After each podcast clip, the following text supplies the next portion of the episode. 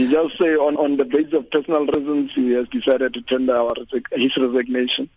and we have accepted the resignation. Uh, Mr. Lebelo, SARS supported Mr. van Loggenberg last year when Belinda Walter was claiming that he is a part of a rogue team within the investigation unit. Is that still the case? Yeah. Now remember what happened is Belinda took SARS and Mr. Loggenberg together.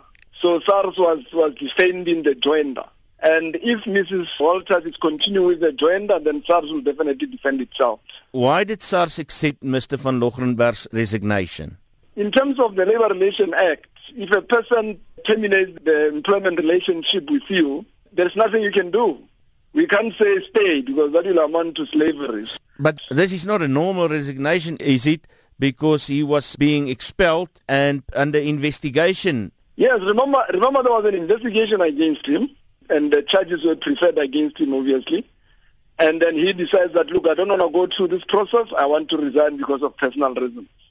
We can't say go through. We can't force him, unfortunately. The law doesn't allow us to do that. What's happening to the investigation now against him?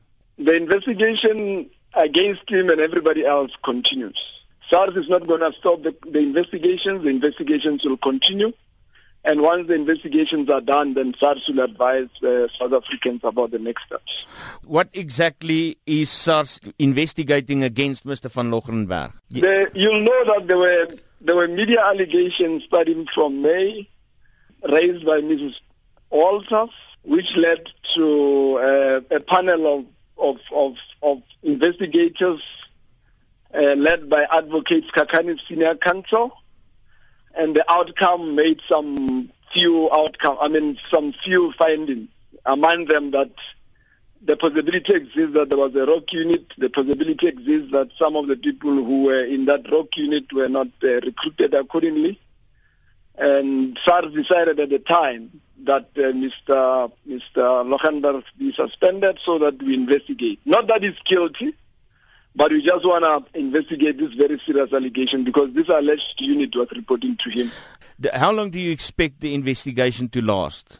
We are confident that the worst case scenario it will be done by the end of March. But that is our estimate. We're not, we're not so sure.